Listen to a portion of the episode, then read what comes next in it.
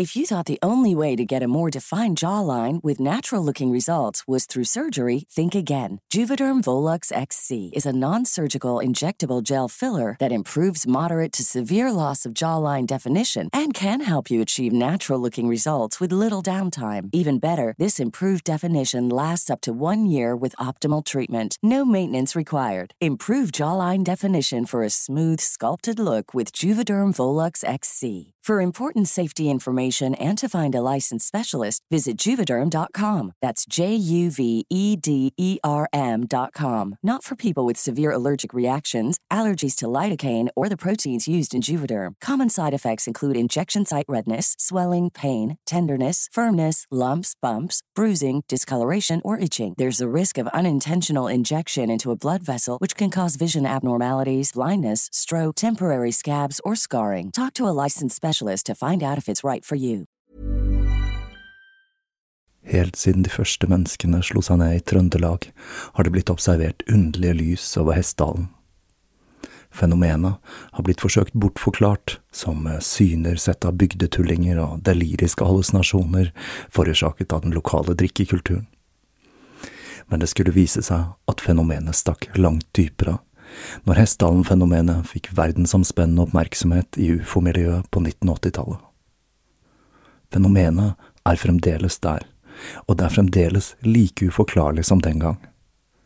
I 2024 kommer en podkastserie i seks deler produsert av Project Hessdalen, som kanskje en gang for alle skal finne svar på hva som rører seg på himmelen i denne bortgjemte dalen i Trøndelag.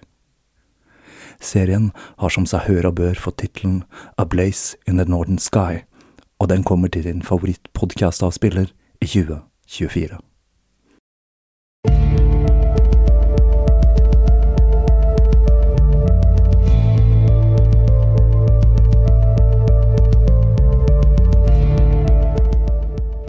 Hei og velkommen til Tåkeprat.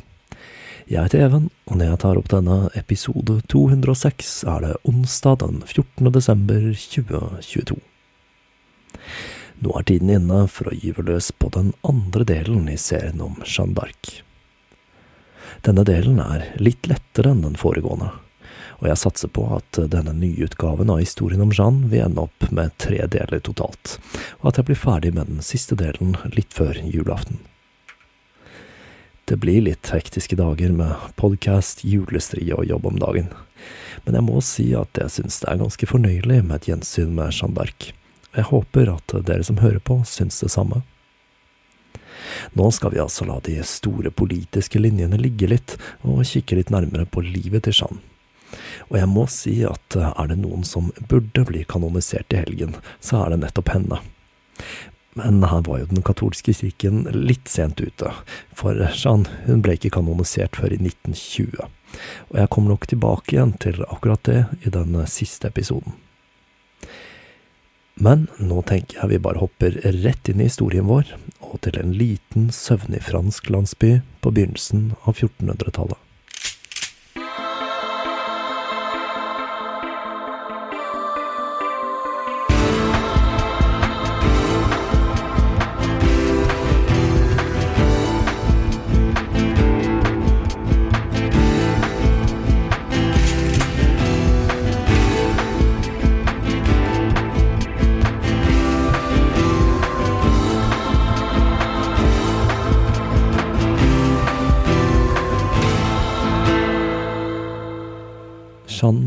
I ca. 1412 i den lille landsbyen Domremy. Vi har nemlig ingen nøyaktig dato for når hun ble født, da det ikke akkurat var en stor begivenhet når ei jente ble født inn i det franske bondesamfunnet på 1400-tallet. Hun var datteren av Isabel Romy og Jacques d'Arc, som i tillegg til å drive med gårdsdrift, jobbet for de lokale myndighetene, og han syslet med ting som å kreve inn skatt og opprettholde lov og orden. Jeanne hadde fire søsken, Pierre, Jacquemin, Catherine og Jeanne. Hun hadde egentlig ikke et etternavn. Det var nemlig ikke vanlig blant franske bønder på den tiden, og når hun senere ble spurt om etternavnet sitt, så forsto hun rett og slett ikke spørsmålet, og hun svarte bare at hun var Jeanne la Pucelle, eller Jeanne Jomfruen. Etternavnet Dark betyr rett og slett bare fra ark, og det var et navn faren ga henne senere. Domremy ligger i fylket Bar i Øst-Frankrike, og dette området var lojale mot armaniakkene, til tross for at det var omgitt av områder som støttet Burgund. Dette førte til at Jeanne vokste opp med at landsbyen ble raidet av bander som støttet Burgund, og på et tidspunkt ble til og med hele landsbyen brent ned til grunnen. Huset hun vokste opp i, det står der faktisk den dag i dag, og nå er det et museum. Og det er jo et tips om du skulle befinne deg i nærheten.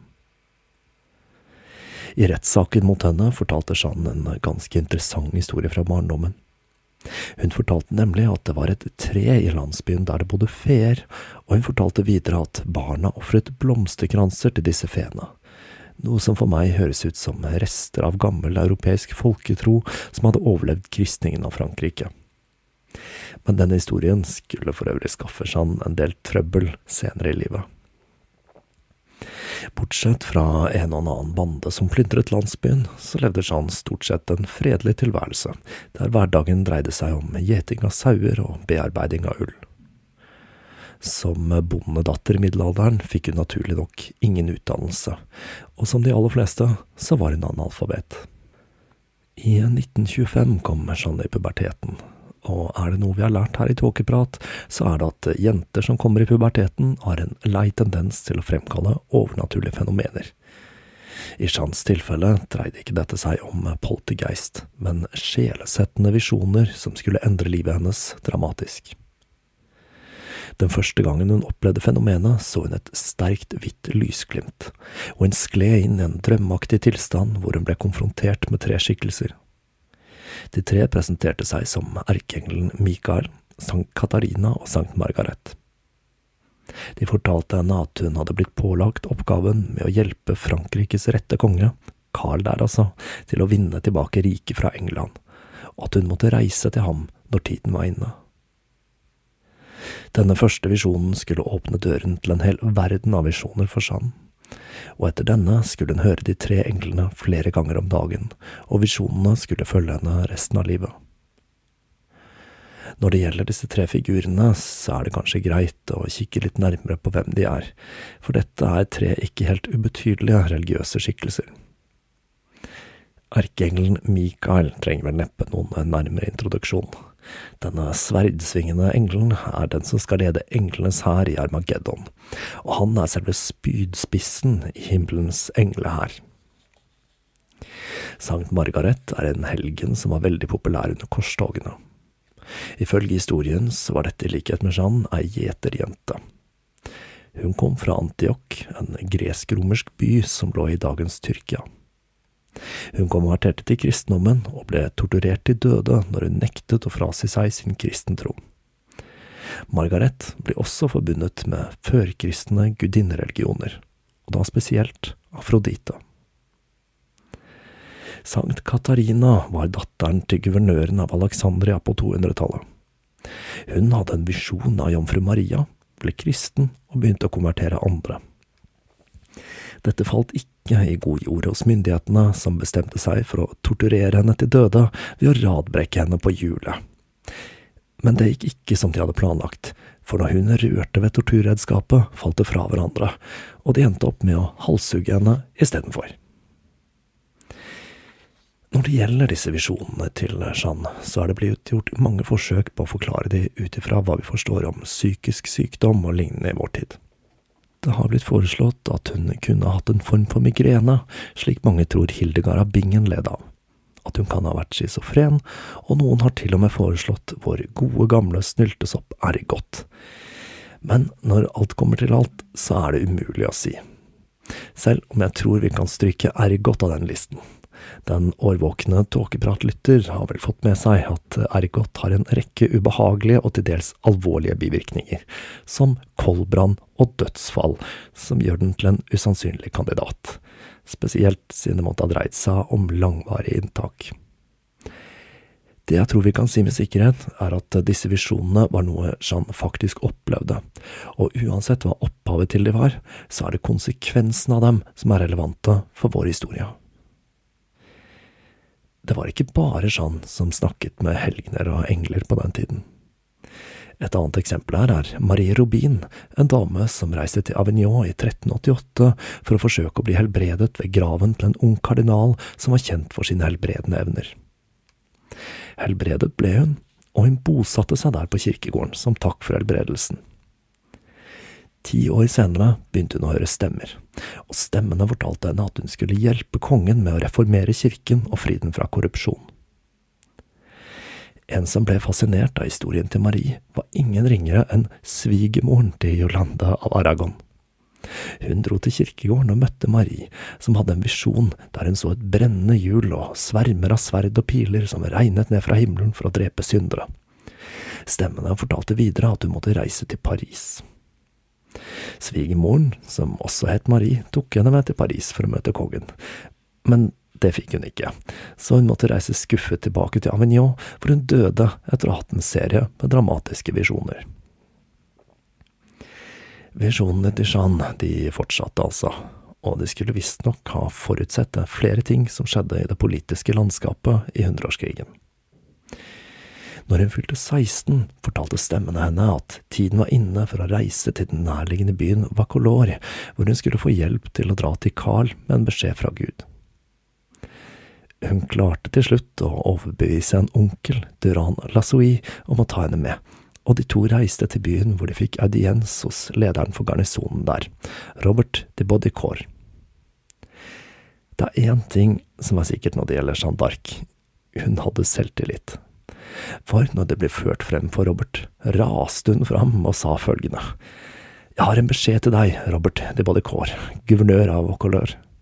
Send en beskjed til dauphin Carl om at han må vente og ikke gå til angrep, for Gud skal sende ham hjelp. Gi meg en eskorte av soldater, og send meg til ham så jeg kan bli hans general, for det er bestemt at jeg skal drive England ut av Frankrike og krone ham til konge. Dette var ganske kraftig kost av en 16 år gammel landsbyjente, og for å gjøre vondt verre så omtalte hun Carl som dauphin, selv om armagnakkene hadde kronet Carl til konge. Robert ble naturlig nok satt ut og spurte hvem har sendt deg, hvorpå hun svarte min herre. Hvem er din herre, svarte Robert enda mer irritert. Kongen av himmelen, svarte Jeanne tvert. Robert og soldatene hans brøt ut i latter og sendte Jeanne hjem med en beskjed om at hun var en syk liten jente som hadde godt av å få ris for å ha funnet på slike skrønne historier. Men visjonene til Jeanne, de ga seg ikke. Tiden gikk, og i januar, når Jeanne var 17, fortalte stemmene henne at tiden var inne for å dra til Vaucouleur på ny. Når hun ankom, hadde ryktet om denne jenta med de bombastiske påstandene kommet henne i forkjøpet, og folk stimlet til for å se på jenta som påstod at hun kunne redde Frankrike. Hun dro igjen til guvernøren, og denne gangen mottok han henne med litt mer respekt, men han fortalte henne at det ikke kom på tale å sende henne til kongen men denne gangen dro ikke Jeanne tilbake til Domremy. Hun ble i byen og pisket opp stemningen. Mens hun var der, fikk hun en visjon. Hun så et forferdelig nederlag i Rovrey, og noen dager etter Jeanne hadde fortalt følgerne sine om dette, kom nyheten om det brutale nederlaget til armaniakkene. Det var det vi husker, der engelskmennene kun mistet fire soldater. Et slag som er kjent som sildeslaget, fordi provianten engelskmennene hadde med seg, var nettopp sild. En av soldatene til Robert, Jean Metz, hadde hørt Jeanne fortelle om visjonene sine før nyheten kom, og han ble overbevist om at hun var ekte vare. Han klarte å overbevise en kompis, Bertrand de Polgny, og sammen sverget de på at de skulle hjelpe Jeanne med å komme seg til Carl. De to gutta klarte til slutt å overbevise Robert, slik at han tilkalte en prest som skulle avgjøre om stemmene Jeanne hørte, kom fra himmelen eller fra helvete og etter å ha testet jenta kom presten fram til at stemmene ikke stammet fra demoner, ergo de var angeliske. Og med det gikk Robert med på å sende Jeanne til Chinon, og innbyggerne i byen gjorde det de kunne for at hun skulle lyktes. De skaffet til vei en hest, i tillegg til en tunika og bukser, slik at hun skulle se ut som en soldat. I tillegg klipte de henne kort og satte på henne en svart ullue. I tillegg til de to soldatene som hadde klart å overbevise Robert, fikk hun følge av en kongelig budbringer ved navn Collet de Vienne, som var tilknyttet Jolandes sønn René, noe som jo tyder på at hun allerede hadde en finger med i spillet, og at hun hadde hørt om Jeans tidligere besøk ved garnisonen. Dette forklarer også hvorfor Robert ikke sendte henne hjem en beskjed om at hun skulle få ris denne gangen. Dette kom til å bli en svært farefull ferd, og det gjorde ikke saken noe bedre at Jeanne ikke kunne ri engang. Men hun lærte kjapt, og følget begynte på verden den 23. januar 1429 klokken 23.00. Det ble bestemt at datoen skulle holdes hemmelig, og at de kun skulle ferdes i ly av mørket. Ferden gikk gjennom 43 mil med fiendtlig territorium, og ifølge legenden så kom de seg kun helskinnet fram ved å lytte til rådene fra Jean sine stemmer. Men stemmer eller ikke, det å ta seg til Chinon, det var en bragd, og ferden skulle ta en hel måned. Når de kom til byen St. Catherine de Fierbourg, tre mil øst for Chinon, dikterte Jeanne et brev der hun varslet sin ankomst.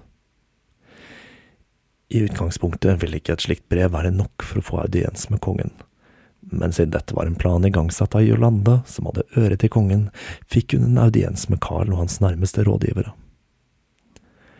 Jeans ankomst vakte stor ståhei blant hoffet, ikke minst fordi Jeanne var kledd skandaløst i bukser som en mann. I møte med kongen skal Jeanne ha kommet med en privat beskjed til kongen, som skal ha overbevist han om at hun var sendt fra Gud. Videre fortalte hun kongen og rådgiverne at hun ikke bare skulle instruere kongen, men at hun personlig skulle lede en hær som skulle drive engelskmennene ut av Frankrike, hvorpå hun skulle føre Carl til Reim slik at han kunne bli salvet med den hellige oljen til Klodvig, så han kunne bli konge, på ordentlig. Hun fortsatte nemlig å bruke betegnelsen dauphin om Carl, noe som var enormt provoserende for hoffet. Igjen var det duket for en teologisk debatt. Var Jeanne virkelig sendt av Gud, eller var det djevelen som hadde sendt henne for å lure Carl? Alle visste jo at kvinner hadde lett for å bli påvirket av djevelen, og det at hun gikk i mannsklær var en vederstyggelighet som direkte trosset et forbud i Gamle testamentet. Det at hun var så insisterende på å lede hæren i krig, kunne også ses på som demonisk innflytelse, og dersom Carl skulle la seg lure av djevelen, ja, da var Frankrike virkelig tapt. Men Jolande klarte igjen å overbevise Carl om at dette var en sak det var verdt å forfølge. Det ble bestemt at de skulle følge en prosedyre utarbeidet av Jean Gersois i verket Om undersøkelse av ånder, et verk som tar for seg nettopp det å fastsette ekteheten og opphavet til visjoner. Aller først måtte de sjekke om hun var jomfru, slik hun påsto. Hun hadde tross alt vært på reise med soldater i en måned, og ikke minst så kledde hun seg i manneklær. Jeg må si dette med manneklær, det er noe som går igjen om igjen og om igjen. Det virker som om dette var nesten verre enn at hun sa at hun snakket med erkeengelen Mikael og hevdet at hun skulle lede den franske hæren. Det var kona til kapteinen i hæren i Chinon og kona til den ene rådgiveren til Carl som gjennomførte den høyst spekulative prosedyren for å undersøke om Jeanne var jomfru, og det kom de fram til at hun var. Det neste som skulle testes, var hennes spirituelle integritet. Erkebiskopen av Gelu rådet kongen til å holde seg unna Jeanne fram til de hadde avgjort om hun var ekte vare. If you're looking for plump lips that last, you need to know about Juvederm lip fillers. With Juvederm Volbella XC and Juvederm Ultra XC, your lip look, whether it's subtle or bold, can last up to one full year with optimal treatment and no additional maintenance. Find a licensed specialist and see if it's right for you at Juvederm.com today. That's J U V E D E R M.com. Add fullness to lips in adults over 21 with Juvederm Volbella XC or Juvederm Ultra XC. Do not use if you have severe allergies or a history of severe allergic reactions, or if you're allergic to lidocaine or the proteins used in Juvederm. Tell your doctor if you have a history of scarring or taking medicines that decrease the body's immune response or that can prolong bleeding. Common side effects include injection site redness, swelling, pain, tenderness, firmness, lumps, bumps, bruising, discoloration, or itching. As with all fillers, there's a rare risk of unintentional injection into a blood vessel, which can cause vision abnormalities, blindness, stroke, temporary scabs, or scarring. For full important safety information, visit juvederm.com. Han sa at det var høyst usannsynlig at Gud ville velge en kvinne som sitt redskap, men han sa at man jo også måtte ha et åpent sinn. Jeanne ble sendt til Potier, hvor hun ble avhørt av de fremste teologene de hadde for hånden, under ledelsen til erkebiskopen av Reim, Renaud de Chartres. Avhørene fulgte prosedyrene beskrevet av Gerson, og de skulle holde på med denne prosessen i hele tre uker. Hun ble stilt spørsmål om livet sitt og sitt forhold til Gud, og i tillegg ble det utført bønner og gudstjenester i et forsøk på å få et tegn fra Gud som kunne enten bekrefte eller avkrefte påstandene hennes. Prestene var veldig i tvil. Alle kvinner som hadde hatt guddommelige visjoner i kirkens nyere historie, hadde hatt dette i samråd med en prest som kunne gå god for deres moral. Jeanne derimot hadde begynt å få visjoner uten noen som helst form for mansplaining fra kirken. Men Jeanne, hun sto klippefast i sin tro, og ettersom ukene gikk, ble presteskapet mer og mer imponert over henne. De konkluderte med at det ikke fantes noenskap i henne, kun godhet, jomfruelighet, integritet og enkelhet. Men dette var ikke nok. Om de skulle konkludere med at hun var et sendebud fra Gud, så trengte de noe mer. De trengte et tegn eller et mirakel. Men det skulle løse seg.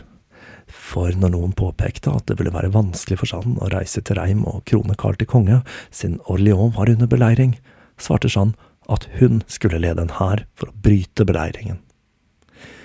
Dette var den perfekte prøven. Dersom hun skulle klare der alle hadde feilet og tatt tilbake Orléans, ville dette vise at hun var sendt fra Gud. Og om hun skulle feile, ville ingen klandre Carl for å ha satt henne på prøve.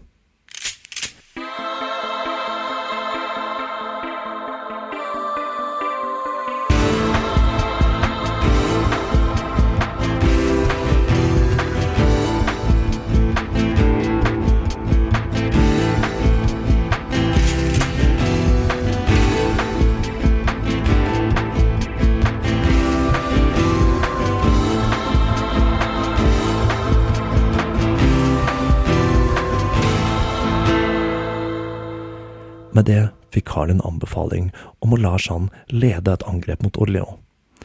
Og etter Jolande selv hadde gjennomført enda en jomfrukjørsjekk på Jeanne, begynte det nye økenavnet hennes å bre om seg. Jeanne la Pucelle. Jeanne, jomfruen, var kommet for å redde Frankrike.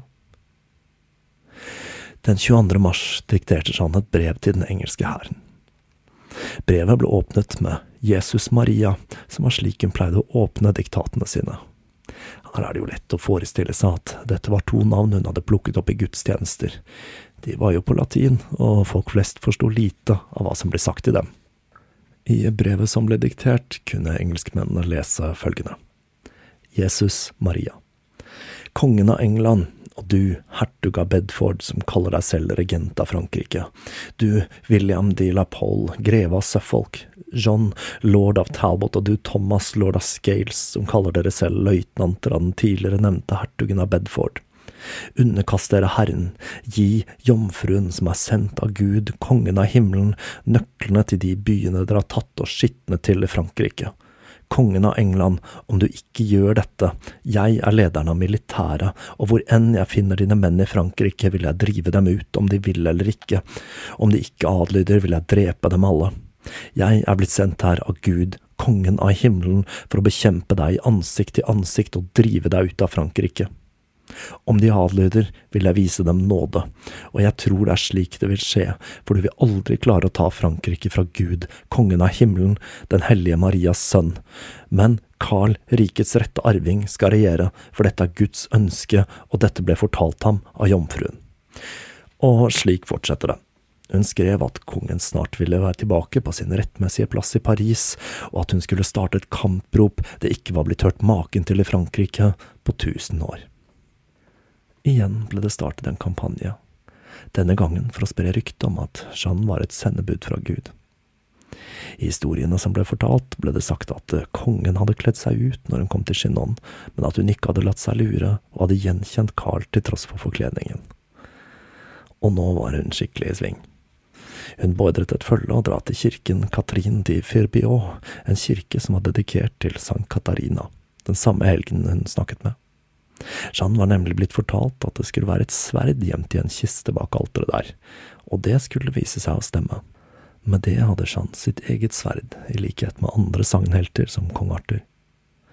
Det at hun hadde blitt gitt et sverd fra en kirke dedikert til Sankt Katarina, som ofte ble avbildet med sverd hun ble halshugget med, ga enda mer betydning til sverdet. Så begynte forberedelsene til angrepet. Jeanne fikk smidd en spesialrustning tilpasset figuren sin, og hun fikk designet en egen banner. Dette med bannere var veldig viktig i middelalderen, og Jeans banner var prydet med flor i gull mot en hvit bakgrunn, med Kristus med en engel på hver side, og ordene Jesus Maria. Den første uken i april dro hun til Tor, hvor hun forberedte troppene på det forestående angrepet. Hun fikk tildelt en væpner, Jean Delon, og to tjenere, Louis og Raymond, på henholdsvis 14 og 15 år. I tillegg hadde hun en egen prest som tok skriftemål og gjennomførte gudstjenester. Tiden i Tor brukte Jeanne på å gjøre seg bekvem og gå og ri i rustning, for det var en kunst i seg selv. En komplett platerustning av den typen Jeanne gikk med, veide rundt 30 kilo, og hun gjorde inntrykk. Hertugen av Alençon, som var med i Jeannes hær, ble så imponert av oppsynet hennes at han ga henne en hest i gave. Denne hertugen hadde også med seg et knippe kapteiner som skulle hjelpe til med angrepet, og så hadde han med seg en fyr til, en ridder fra Bretton, som skulle bli kjent for helt andre ting i årenes løp, nemlig Gilderé. En fyr vi nok kommer til å ha et gjensyn med her i Tåkeprat etter hvert. Ryktet om at den armaniakiske hæren var på vei med ei jente som var sendt fra Gud i spissen, nådde naturlig nok også Orléans. Der hadde det skjedd et par ting mens Jeanne gjorde seg klar til å angripe. Philip av Burgund hadde trukket soldatene ut fra beleiringen etter en uoverstemmelse med hertugen av Bedford, og med det var beleiringsstyrken redusert. Sammen med nyheten om at Jeanne var på vei, var dette med å gjøre stemningen i byen elektrisk. Den 21. april førte Jeanne hæren sin ut fra Tor og satte kursen mot Bouilly for å skaffe forsyninger. Før hæren gikk ut i krig, hadde hun et knippe med nye regler de måtte følge. Hun forbød drap, plyndring og voldtekt av alle som var villige til å underkaste seg Frankrikes retteregent. Hun påbød også jevnlige gudstjenester, og bortviste de prostituerte som vanligvis fulgte med hæren. Den 26. april 1429 redd jomfruen i krig. Den engelske hæren som beleiret Orléans, var nesten like utsultet som befolkningen i byen etter en knallhard vinter, og i tillegg var hæren redusert. Ikke bare hadde Philip trukket ut sine soldater, men flere av de engelske soldatene hadde kastet inn håndkle og dratt hjem. Dette hadde ført til at de ikke hadde klart å gjennomføre blokaden så godt som de hadde håpet, og flere forsyningskaravaner hadde kommet seg innenfor bymurene. Men denne dagen hadde de helt andre ting å tenke på enn sult, for på sørsiden av elven dukket et merkelig følge opp, et følge som minnet om en blanding av en hær og en religiøs prosesjon. Blant soldatene var prester med bannere av korsfestelsen som sang taktfast Veni creator spiritus, og midt iblant soldatene var jenta de hadde hørt om. Iført en blankpolert rustning red hun på en hvit hest, med en hvit silkebanner blafrende over hodet. Alle hadde hørt om brevet hun hadde sendt, og de tenkte at enten var hun gal, eller kanskje var hun ei heks. Engelskmennene tok det hele som et tegn på at Carl var skikkelig desperat, og at dette var et siste forsøk på å gjenvinne tronen. De buet og ropte skjellsord. Men og følget til Jeanne red inn i byen, ble de møtt av ellevill, ekstatisk jubel, mens folk i menneskemengden forsøkte å ta på jenta i håp om å bli smittet av hennes guddommelige kraft. Jeanne ble ført til huset som skulle være hennes bolig mens hun var i byen, og der begynte hun å tale til menneskemengden. Det var en lidenskapelig tordentale, der hun sa at hun var kommet for å kjempe mot engelskmennene på Guds kommando, og at soldatene som fulgte henne, ikke hadde kommet til henne som soldater, men som tjenere av Gud. Videre fortalte hun at alle som fulgte henne, hadde forsaket plyndring og prostitusjon, slik hun forlangte av alle som kjempet under hennes banner. Videre tordnet hun og sa at kapteinen hennes hadde bedt henne om å vente med angrepet, og hadde snakket om strategi og taktikk, hun freste videre og sa at hva skulle hun med slikt, hun var tross alt sendt av Gud, og det var ikke vanlige dødeliges oppgave å betvile Guds vilje. Det var sikkert noe kapteinen hennes ikke var spesielt glad for. De hadde sett for seg en litt mer ordinær strategisk vinkling på det hele, og de hadde stasjonert en reservetropp i Boi med blant annet Gilderé sammen med forsyningskaravanen. Et stormangrep var liksom ikke helt det de hadde sett for seg. Budbringeren som hadde overlevert brevet til Jeanne til engelskmennene, hadde blitt tatt til fange. Så hun dikterte et nytt brev der hun krevde ham løslatt, og hun skrev at dersom okkupantene ikke overga seg, ville de bli utslettet. Til svar fikk hun et brev der de skrev at hun burde pelle seg hjem og gjete kyr, og videre at England kom til å brenne henne på bålet dersom de fikk tak i henne. Når Jeanne fikk dette svaret, ble hun rasende og hun klatret opp på bymuren og skrek til de engelske soldatene og forlangte at de skulle underkaste seg Gud, noe soldatene svarte med hånlatter på, på skikkelig Monty Python-vis. De gutta der tok nok heller ikke satiren sin rett ut fra løse lufta. Kapteinene til Jeanne så ingen annen mulighet enn å hente resten av hæren, for hun var ikke til å stoppe. De neste dagene mens de ventet på hæren, var Jeanne helt på styr. Hun ville angripe, men kapteinene nektet å starte før resten av hæren hadde kommet. Morgenen den 4. mai kom resten av hæren, og første, den første ordren til Jeanne var å angripe festningsverket St. Loup på østsiden av byen. Dette var det første slaget til Jeanne. Hun ropte troppene fram mens hun holdt banneren sin mot himmelen, og etter tre timer klarte de å drive de engelske troppene på flukt. Med en seier under beltet dikterte Jeanne enda et brev. Dere menn av England som ikke har noe krav på Frankrike. Kongen av himmelen beordrer og befaler dere gjennom meg, Shan, jomfruen, å forlate festningen deres og dra tilbake til hjemlandet deres. Om ikke så vil dere høre et krigsrop som vil huskes for alltid. Jeg skriver til dere for tredje og siste gang. Jeg kommer ikke til å skrive igjen. Jesus Maria Jean La Pucelle. Brevet ble sendt til engelskmennene på Robin Hood-vis, med pil og bue, og når de engelske soldatene fikk tak i det, kunne det høres et rop gjennom den engelske leiren. Nyheter fra den armaniakiske hora. Med garnisonen ved St. Loup knust kunne hæren til Jeanne ta seg uforstyrret over elva, og de tok seg til det eneste forsvarsverket på sørsiden av Loire men når det kom dit, viste det seg at de engelske troppene hadde trukket seg tilbake til Torell og Augustin, festningsverket som forsvarte Torell. Morgenen den 6. mai tok Jeanne skriftemål, og det ble holdt gudstjeneste før hun red ut for å angripe Augustin. Det var Jeanne selv som ledet angrepet, med Lahir og Gilderé ved sin side. De engelske troppene forsøkte å stanse den angripende hæren, men det var nytteløst. Kampene var svært brutale og pågikk hele dagen, men når solen gikk ned, var Augustin i franskmennenes hender. Nå var det ikke lenger Orléans som var under beleiring, men Turell. Den neste morgenen startet angrepet. De franske troppene angrep i bølger, men ble drevet tilbake av stein og piler fra de forsvarende troppene mens dagen skred frem.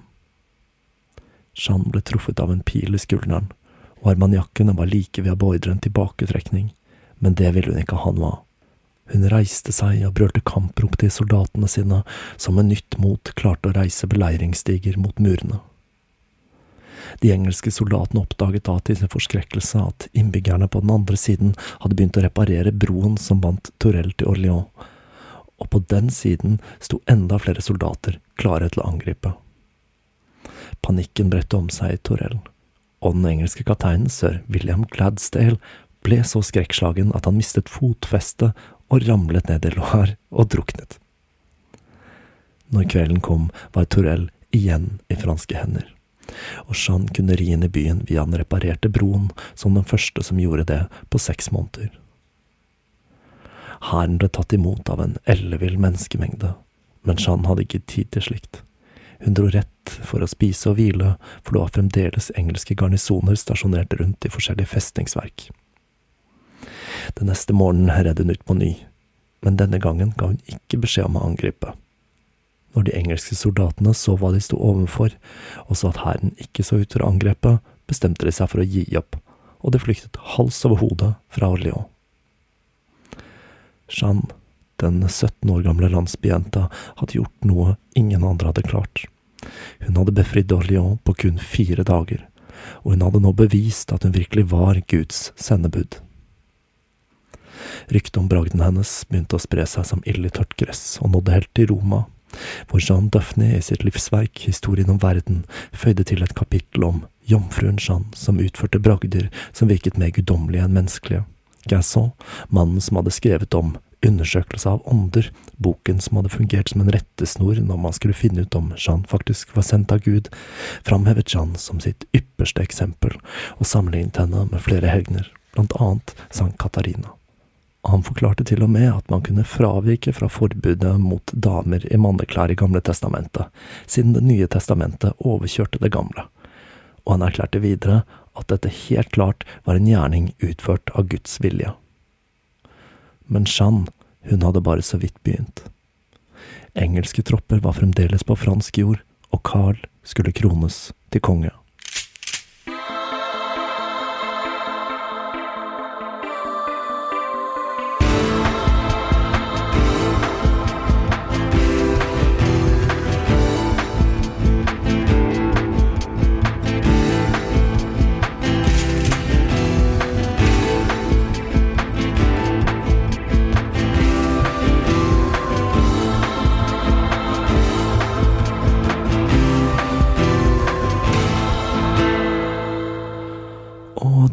Gir vi oss for denne gang. Man kan jo ikke si noe annet enn at Jeanne d'Arc var et festfyrverkeri av en personlighet. Når jeg har jobbet med denne historien, så føler jeg nemlig at litt av personligheten hennes siver igjennom fra 1400-tallet, og man kan ane at det var en personlighet litt utenom det vanlige. Nå håper jeg at jeg klarer å presse ut den siste episoden før julaften, slik at jeg kan ta meg en aldri så liten juleferie fra podcasting. Helt på slutten her så vil jeg tipse om at jeg har en liten giveaway på Facebook i disse dager, og en vinner av den konkurransen blir trukket lørdag den 17. desember. Enn så lenge vil jeg ønske dere alle en riktig fin førjulstid. Da gjenstår det bare å si, som Jean ville sagt, Jesus Maria.